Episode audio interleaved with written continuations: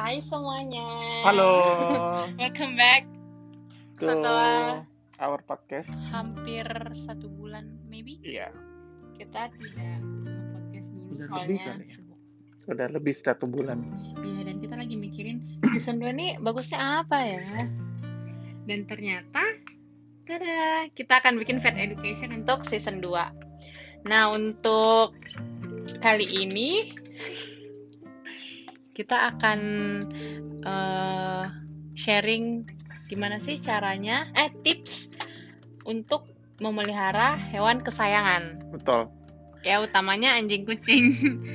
Jadi guys, eh, buat teman-teman yang ngedengerin pod- podcast ini, kita sekarang lagi live ya, kita di live. Instagram podcast Uncensored. Hmm, Kita lagi bikin ini aja sih. ya, Pembaharuan dalam ya, upgrade diri lah, Oke, upgrade eh, konten. kita Ya. hamba konten. Jadi, gimana dong? Em, kemarin kita decide untuk uh, sharing mengenai uh, vet education, tapi mungkin pembawaannya lebih ringan karena target audiens kita bukan cuman Dari teman-teman uh, vet aja, tapi lebih meluas ke em, Teman-teman yang punya hewan peliharaan Hmm. atau baru mau memelihara Memelihara, hewan iya, betul. anjing kucing ya. Kita hari ini bahasnya anjing kucing Mhm. dulu karena itu yang paling familiar. Iya. Oke. Apa nih tips awal ketika kita mau memelihara hewan? intinya sih sebelum memelihara hewan harus komitmen dulu ya, menyiapkan mental. Ya. Gitu-gitu Budget sih, budget itu juga penting sih soalnya jangan sampai kita kayak cuman lucu-lucuan aja pengen melihara tapi kalau misalkan ada kondisi something yang mengharuskan kalian untuk membawanya ke dokter hewan tapi Hmm. tidak ada biaya jatuhnya menelantarkan, menelantarkan tidak mensejahterakan. Nah, karena kesejahteraan hewan itu penting sekali, bukan cuma manusia yang Bukan harus cuma di kesejahteraan perut, woi, bangun woi. Nah, itu sih pen- eh, tips paling awal dulu sebelum memelihara hewan. Mm-mm. Pastikan mental kalian eh, ini dibentuk untuk memelihara hewan peliharaan. Ya, Karena kan namanya juga peliharaan, eh, kita me- eh, bertanggung jawab atas eh, pilihan yang kita pilih. Dan Mm-mm. memilih hewan peliharaan anjing ataupun kucing itu salah satu tanggung jawab dari kita kita sebagai, owner. ownernya. Oke. Nah, kalau misalkan kita sudah punya komitmen itu, apalagi yang harus kita lakukan? Kalau misalkan orang baru nih, baru mau adopt lah istilahnya ya, kalau di dunia kita, Hmm. itu bagusnya adopt dari umur tiga bulan ke atas kali ya. Tapi mungkin mesti research dulu nih adopnya dari Ya, itu yang tempat penting. yang Eh, apa karena ada juga beberapa tempat yang memalsukan identitas dari. Halo Kak Ayu. Jadi kita lagi nyapa teman-teman yang Kak- lagi Kak di Uci Instagram. ya, Kak Uci Emsil, Ninyu. Iya. Nah, Ya. sampai mana tadi? kita harus tahu tempat kita mengadopsi anjing atau kucing. Iya, karena Ya. banyak banget Hmm. catering-catering atau kennel-kennel yang catering itu tempat um, apa ya peternakan kucing? Why Bukan peternakan? Not actually peternakan, tapi tem- uh, orang yang memilih untuk mengembangbiakan Mengembangbiakan. kucing tersebut untuk di Diadopsi. adopt, diadopsi. Oke. Uh, Dikit itu kita sebutnya catering. Dan ada beberapa oknum-oknum yang nggak bertanggung jawab. Katanya uh, kucingnya udah vaksin, katanya udah ini, udah Ya, ini dijamin benar. kesehatannya, tapi ternyata nggak uh, nggak Gak ada sesuai jaminannya, iya, nggak nggak ada jaminan, betul. bukti. Jadi buat kalian yang mau pelihara hewan dan adopt dari tempat lain, Hmm. itu pastikan satu, eh, bagusnya sudah divaksinasi. karena mereka dari tempat yang banyak kan populasinya banyak kita tidak tahu eh, ada yang sakit kah atau tidak jadi harus vaksinasi dan dibuktikan dengan buku buku vaksinnya vaksin. Iya. yang sesuai dengan identitasnya. Jangan sampai si um, apa sih namanya Catherine-nya itu Mhm. atau kennelnya bilang iya nih sudah vaksin, tapi tidak ada bukunya. Nah Hmm, itu iya. kalau sudah sampai ke vet kita jadi kayak um, kayaknya belum deh. kita nggak anggap itu udah vaksin tanpa ada bukti. Ya, karena Gitu. banyak banget sih yang datang ke kita Mm-mm. dengan eh, keluhan seperti itu, udah vaksin tapi nggak ada buku. Dan Penting ya. eh, juga mungkin eh, beberapa program dari beberapa komunitas juga eh, lebih mengutamakan rescue daripada eh, adopt gitu kan banyak eh, kucing-kucing yang butuh rumah misalnya Eh, dan selama di klinik juga klien-klien di klinik banyak banget yang rescue kemudian bawa ke klinik setelah sehat eh, dibawa ke rumah dirawat di rumah dan jadi hewan peliharaan Ya, itu yang lebih menemani ownernya gitu. Jadi Ah, bukan cuman Ah, bukan cuman yang di catering yang bisa jadi hewan peliharaan. ya. Karena kan Gitu. bisa jadi juga eh, keluarga kita punya anakannya terus mau Iya. dikasih. Itu kan sebenarnya lebih eh, apa sih namanya? lebih transparan sih kali ya, lebih transparan gitu Iya, bener bener peliharaannya. bener banget. daripada kita ambil di tempat-tempat tapi nggak ada salahnya di mana pun kalian mau uh, adopt yang jelas itu satu kebersihannya juga sih harus dilihat Iya. kalau bisa kalian raba karena kan sekarang bisa beli online tuh Iya, benar benar. Uh, kalian tuh tidak melihat langsung jangan sampai dia ada gangguan kulit kayak jamuran uh, skabies yang keropeng tuh telinganya Nah, itu tuh bisa jadi masalah juga soalnya perawatannya akan sangat-sangat mahal kalau kalian bawa ke vet kayak Betul sih. gitu. Mm-mm. Jadi lihat matanya, lihat kondisi rambutnya, ada kutu tidak, be- apa sih namanya, ada jamur atau tidak, ada kerak atau tidak, kayak gitu. Kalian harus lebih teliti lah sebelum membeli. Mm, Betul. Jangan adop kucing dalam karung. kayak gitu. Iya sih. Ya kan? Mm, Banyak Betul banget betul betul. banyak banget keluhan seperti itu kan kasihan yang istilahnya yang ngadop mereka nggak tahu apa-apa eh, adopsinya mahal Mm-mm. you know Iya, sekarang iya. itu mahal banget terus tiba-tiba cuman sehari dua hari mereka rawat tiba-tiba sakit Oke. nah Iya. itu jadinya kan wow Sering banget sih. duitnya habis Jatuhnya kali dua duit yang habis. Terus, nah kalau kalian sudah adopsi di rumah yang harus kalian em, fasilitas yang harus kalian punya untuk hewan kalian itu apa? Kandang. Iya, betul Kandang yang sih. cukup luas. Jangan eh, kucing atau anjing. Kucing sih kebanyakan kalau anjing kan dibebas bebasin aja biasanya nggak punya kandang. Kalau kucing ya kita ambil contoh kucingnya besar tapi kandangnya kandang burung. Oh iya, ini banyak banget kecil. banyak banget Oh, kasus yang di sini juga kayak gitu. Uh, usahakan kandangnya tuh luas. Kalau bisa sih yang bertingkat ya. Karena kucing kan suka Yang manjat-manjat. setara lah sama ini Iya, yang aktivitasnya di bisa rumah. bergerak. Mm-mm. Kalau bisa, kalau rumahnya luas, ada budget lebih, bikin uh, apa namanya play- Playground. Mm, uh, playgroundnya yang bisa manjat, bisa masuk ke mana ke mana. Intinya harus paham juga harus mulai research sebelum adopt uh, kebiasaan-kebiasaan dari hewan yang akan kamu adopt itu seperti apa. Kan Misalnya beda-beda. kucing, kucing suka garuk-garuk untuk mempertajam misalnya ininya punya. kukunya supaya dia nggak garuk-garuk di sofa atau di tempat tidur. Uh, sediain yang bisa dia uh, Garuk. ini garuk-garuk. Ada kok itu semuanya. Sebenarnya ada kok di pet shop.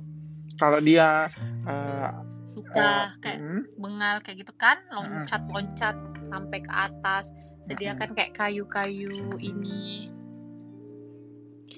Eh, yang buat manjat-manjat itu loh iya betul. pokoknya ada kok semuanya Ah, betul. terus apa lagi ya Um, yang harus ada sih tempat makan dan tempat minum makan. Ya betul. sebaiknya jangan plastik guys karena satu kalau dicuci itu biasanya nggak apa namanya sudut-sudutnya itu tidak tidak tidak terjamah Iya. Misalkan yang stainless bersih maksimal lah kalau dalam pembersihan Ya. bowl makannya itu. pakai yang stainless saja Mhm. itu lebih kami sarankan sih dan um, setelah itu apa yang harus disediain di rumah? Pakan mungkin? Pakan, ya. Pakan juga Pakannya yang, ya. yang sesuai dengan kebutuhan hewannya. Uh -uh. Kucing kecil atau anjing kecil ya makannya yang khusus anak kecil. Jangan kasih yang adult atau yang dewasa karena kebutuhan nutrisinya itu beda. Itu kan anak kecil Betul. kan masih mau tumbuh, Hmm. ya kan? Jadi dia butuh makanan yang mensupport mensupport pertumbuhannya. Betul. Kalau sudah gede kan dia sudah stay ya. Apa namanya? Organ-organnya udah tumbuh Ah, ah. mateng. mateng. Mateng. Jadi butuhnya mateng. telur mas. Gila. Oke. Sorry guys. Sorry guys, udah salah nih. Ya jadi dia makan super makanannya untuk yang dewasa sama anak kecil tuh beda. Jadi Betul. disesuaikan lah ya. Nah, selain makanan, tentunya juga air minum. Air minum. Air minum tuh penting banget. Itu Air bisa. matang ya.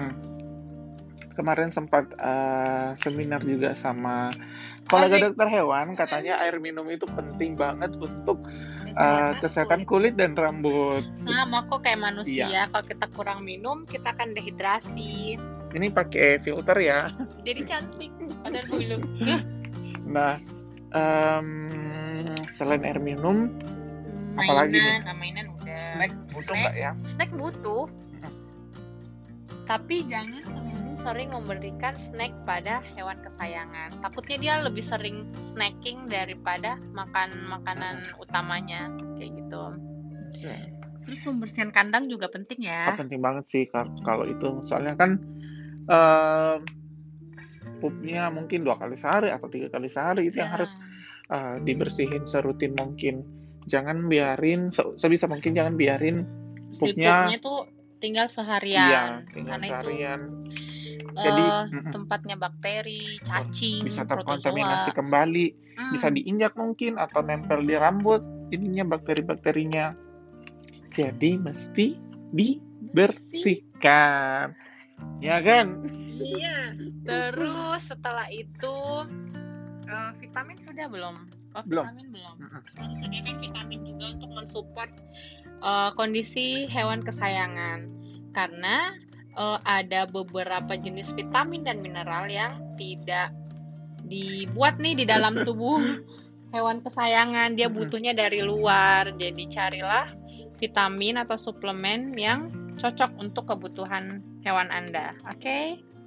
tapi ya Hmm, saran sih begitu begitu diadop hewannya atau begitu uh, tiba hewannya uh, sama kalian langsung dibawa aja ke dokter hewan ya, untuk cek dulu semuanya. untuk check up kondisi uh, kemudian di plan apa-apa saja yang harus dilakukan ke depannya entah itu vaksinasi vaksinasi rutin ataupun obat cacing secara rutin Uh, dan juga mandi mandi, Mandi, tuh iya oke. mandi juga uh, harus rutin gitu Iya. dan uh, di hewan juga nggak boleh terlalu sering mandi sih jadi seminggu Disesuaikan. iya disesuaikan dengan kebutuhannya makanya mungkin ke dokter hewan terdekat untuk hmm, Konsultasi lebih lanjut. ya konsultasi lebih lanjut tapi di sini mungkin kita bakal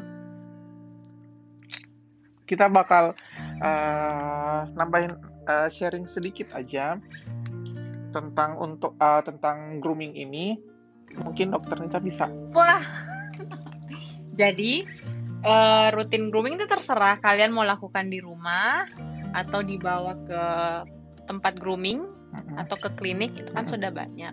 Cuman yang harus diperhatikan kalau misalnya kalian bawa ke vet atau ke pet shop kan itu mandinya lebih aman ya, bisa jadi lebih aman sih. Di rumah kalau kalian lakukan sendiri, yang pertama usahakan airnya itu air hangat, bukan usahakan sih harus air yang hangat karena kulit mereka dan kulitnya tuh beda. Takut mereka tuh kaget dalam tanda kutip kaget. Kalau bisa di shower, jangan yang direndam aja gitu. Yang di apa sih? Itulah ya yang disiram Iya. Hmm, pakai air hangat. Jangan kena area muka. Bagian leher ke belakang aja. Karena mereka tuh kita kalau kita kan bisa ngeluarin air yang masuk ya. Kalau mereka tuh nggak bisa. Apalagi udah masuk ke telinga atau hidung, itu bisa menyebabkan infeksi. Uh, terus setelah mandi, keringkan dengan sangat kering. Itu yang paling banyak kasusnya juga sih. Kalau mandinya tidak kering, jatuhnya nanti gampang berjamur. Jamuran kulitnya lembab, gampang berjamur. Gitu. Hmm, Terus apalagi ya? Tapi kalau mungkin saya lebih saran untuk tidak memandikan sendiri di rumah. Uh, kalau belum berpengalaman menghandle atau memandikan anjing ataupun kucing karena mandi itu eh, tingkat stresnya jauh lebih tinggi dibanding eh, kegiatan-kegiatan yang lain Iya. gitu. jadinya uh, mungkin uh, di awal-awal mungkin boleh ke pet shop atau ke klinik untuk uh, grooming dulu di profesional groomer gitu dan Hmm, tapi uh, teman-teman juga harus tahu uh, bahwa nggak semua tempat grooming itu aman. Aman, oke. Okay. Uh -uh. Entah itu di klinik ataupun di pet shop, tapi uh, kalian berhak untuk menanyakan uh, keamanan, keamanan atau cara sterilisasi ya. dari klinik atau pet shop tersebut karena kan uh, banyak hewan yang datang otomatis uh, kemungkinan untuk tertular, tertular penyakit terpapar terpapar penyakit itu tinggi. Jadinya Jadi pintar-pintar lah ya untuk mencari tempat. It's okay kalau misalnya kalian dapat tempat pet shop misalnya di di Instagram kalian DM uh, di sana sterilisasinya gimana uh, proses ininya groomingnya apakah um, disatukan dengan hewan lain atau tidak. Jadi itu hak kalian untuk menanyakan mm -hmm. hal tersebut itu supaya lebih aman. Iya, bagusnya sih yang tempat mandinya juga bisa dilihat lah ya. Mm -hmm. Kalau saya pribadi. iya sih, bisa kelihatan kok yang yang jorok sama yang betul-betul memperhatikan kebersihan. Iya. Karena ya sekarang tuh udah banyak kok tempat-tempat yang bagus. Mm -mm buat memandikan hewan banyak banget sih. yang kalian bisa lihat langsung prosesnya maybe yang lebih transparan juga kok biar biar kalian nyaman apa namanya tidak insecure hewannya tuh diapain sih di dalam uh, and then apalagi ya check up uh, rutin juga walaupun hewan kalian tidak sakit dalam kondisi sehat-sehat saja uh, usahakan tetap datang ke klinik ke dokter hewan untuk memeriksakan status kesehatan hewan kalian minimal 3 bulan atau 6 bulan sekali lah. Untuk check up rutin, ya kan? Kalau sebisa mungkin juga kalau mau lebih komplitnya, apalagi untuk hewan-hewan senior, uh, cek darah rutin itu sangat penting untuk melihat status kesehatan di dalam tubuh ya, bukan cuman di secara fisik aja. Itu penting. Betul. Ya kan? Hmm, hmm, apalagi ya? Itu aja sih, apalagi, ya, apalagi ya, Oh iya, selain obat cacing yang harus rutin, vaksinasi rutin, obat kutu juga penting. Intinya kebersihan di rumah juga uh, harus dijaga sih iya. supaya uh, terhindar dari kutu, jamur hmm. dan sebagainya. Kita juga sebagai pet owner itu harus sering membersihkan diri lah sebelum memegang hewan peliharaan. Mm-hmm. Apalagi kalau misalkan kita dari luar rumah, mm, betul. mungkin kita habis pegang hewan kah, atau walaupun kita nggak pegang hewan apa pun, tapi kan kita itu masuk ke dalam rumah penuh dengan berbagai macam kuman. nah, jangan mm-hmm. sampai kita masuk terus langsung pegang hewan kesayangannya tanpa cuci tangan dulu bersih-bersih. Nah, itu kita bisa menjadi sumber penularan pada hewan kesayangan kita. Padahal hewan kita itu indoor, nggak pernah keluar rumah, ketemu hewan lain enggak, tapi kok tiba-tiba bisa sakit. Nah, ternyata kitalah yang membawa uh, si penyakit itu masuk ke dalam rumah gitu. Oh. Betul. Jadi ada kebiasaan-kebiasaan juga sih yang itu termasuk kebiasaan yang baik sih kalau uh, mesti bersih bersih dulu sebelum pegang hewan peliharaan dan sebagainya jadi uh, kita biasanya mewajibkan semua owner uh, untuk melakukan hal tersebut apalagi yang uh, gampang gemes sama hewan peliharaan lihat kucing di jalanan di warung misalnya gampang gemes uh, pegang-pegang dan sebagainya masuk ke rumah harus langsung cuci tangan Ya. supaya uh, penularan penyakit bisa di dikat Putus. diputuskan Ting. Ya. Betul. Ting. pintar kan Kita kayak sangat terpelajar. iya tapi aslinya enggak bun ya lagi nih ini dok? cuman pencitraan aja ya tapi enggak kok informasi ini um, Itulah. itu ini ini langsung dari dokter hewan ya. Soalnya Iya. kita udah udah lulusan dokter hewan, jadi kita mau memberikan edukasi secara meluas aja ke orang-orang Mm-mm. yang dasar-dasar aja. Apa sih yang kalian perlukan Iya. ketika ingin memelihara hewan peliharaan? iya Karena kalau sakit bukan cuma manusia yang sakit tuh mahal guys. Hewan tuh kalau sudah sakit, wow, iya kita aja nggak sanggup kayak banyak banget biayanya. Iya. kayak gitu. Jadi jangan sampailah hewan kesayangan kalian itu dalam kondisi sakit karena ribet. Beda banget tuh orang-orang yang datang secara rutin ke klinik ya kan? Sama orang-orang yang datang ketika hewannya cuma ketika sakit. Cuma gitu. emergency iya benar. Orang kita kan punya klien-klien yang eh, istilahnya loyal ya sama hewan peliharaannya. Datang obat cacingnya sesuai schedule vaksinasi eh, ketika kita menyarankan pakan itu mereka ngikut ya kan? Iya. itu memang pas setiap datang ya datangnya memang karena cuman mau check up rutin bukan karena sakit. Nah itu kita itu lebih bahagia gitu loh. Ya betul. kan? Daripada datangnya sakit nggak ribet lebih- penanganan iya lebih senang kalau mereka datang nggak usah nggak usah tiap hari datang plus jadwal oke. check upnya aja check up rutin. Cuman minum cacing vaksinasi. Nah itu kita lebih bahagia karena hewannya berarti dalam kondisi sehat. Dan kita berhasil untuk mengedukasi teman-teman sekalian kayak gitu. Bahaya banget sih. Hmm, kalau ada yang kayak gitu. Ya Mm-mm. ngaruh. Nih contohnya. Nih kita punya this this is cutie. Maru Ya. guys. Dia tuh rutin minum obat cacing Rutin. rutin vaksin sudah steril soalnya dia juga indoor nggak punya pasangan ya dek? Dia kalem soalnya sudah dididik militer gitu.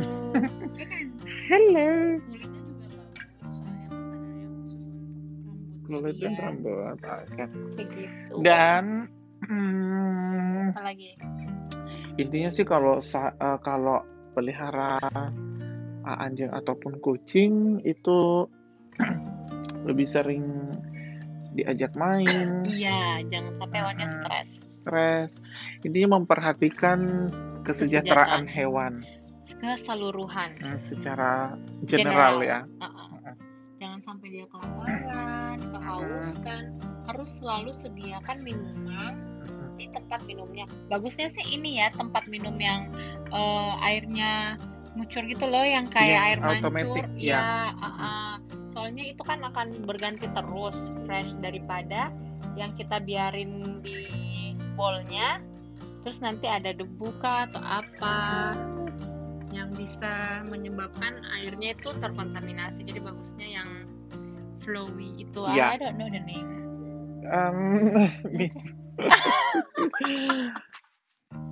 Wait. Terus apa Wait. lagi? hmm, Tadi mau bilang apa ya? apa lagi ya Hmm, Iya, rasa-rasa lapar, jangan sampai Uh-uh. kehausan, jangan sampai dia stres di kandang. harus bersih ya kalau kecil. telinganya kotor kalau dia belekan Mm-mm, rajin-rajin Bersihin. bersihin telinganya karena telinganya telinga kucing tuh gampang kotor jadi sebisa mungkin seminggu sekali jangan jangan dibiarkan lah cuman dipelihara gitu. Jangan jangan karena mau ditemenin di rumah nggak ada teman atau anaknya mau karena lucu.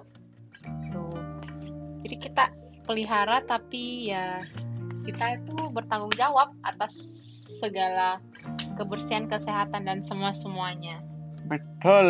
Ya balik lagi ya ke komitmen awal. Harus siap. Kalau misalnya satu waktu uh, kucingnya sakit Hmm? kita harus ngapain? Uh, kemudian harus siap Jangan- kalau telinganya ini kotor. apa namanya? Kalau sakit jangan cari dokter Google. Iya. itu sih. Jangan tunggu sampai kucingnya pingsan. baru dibawa ke dokter itu tuh yang Betul. oh my god please. Kita kadang sampai nggak tegaan kalau pasien datang tuh yang udah di ujung udah sakaratul maut Mm, soalnya ya mereka apa pet owner merasa ya udah nyari di Google nih. Penanganannya udah betul.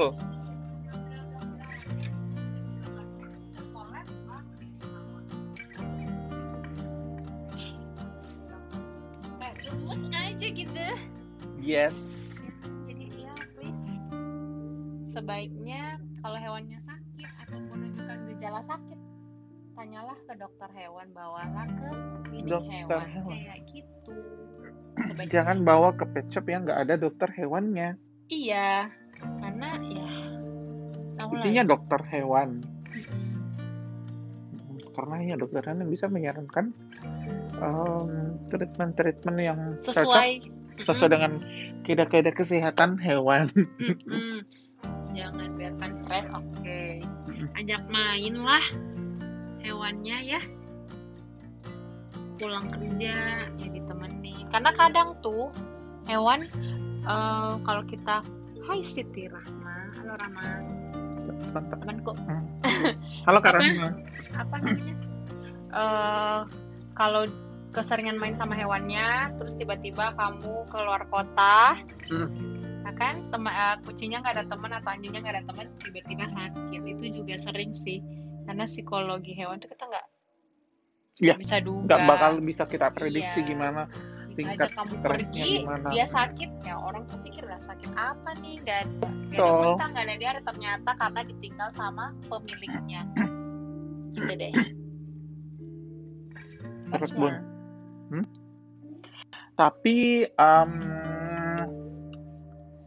mungkin untuk pembahasan secara general kita bahas em, sekarang, tapi untuk yang detail-detail mungkin pada pada saat kondisi seperti apa mesti uh, ha- apa yang harus dilakuin itu uh, kita bakal mm, share di episode-episode selanjutnya. Betul. Oke.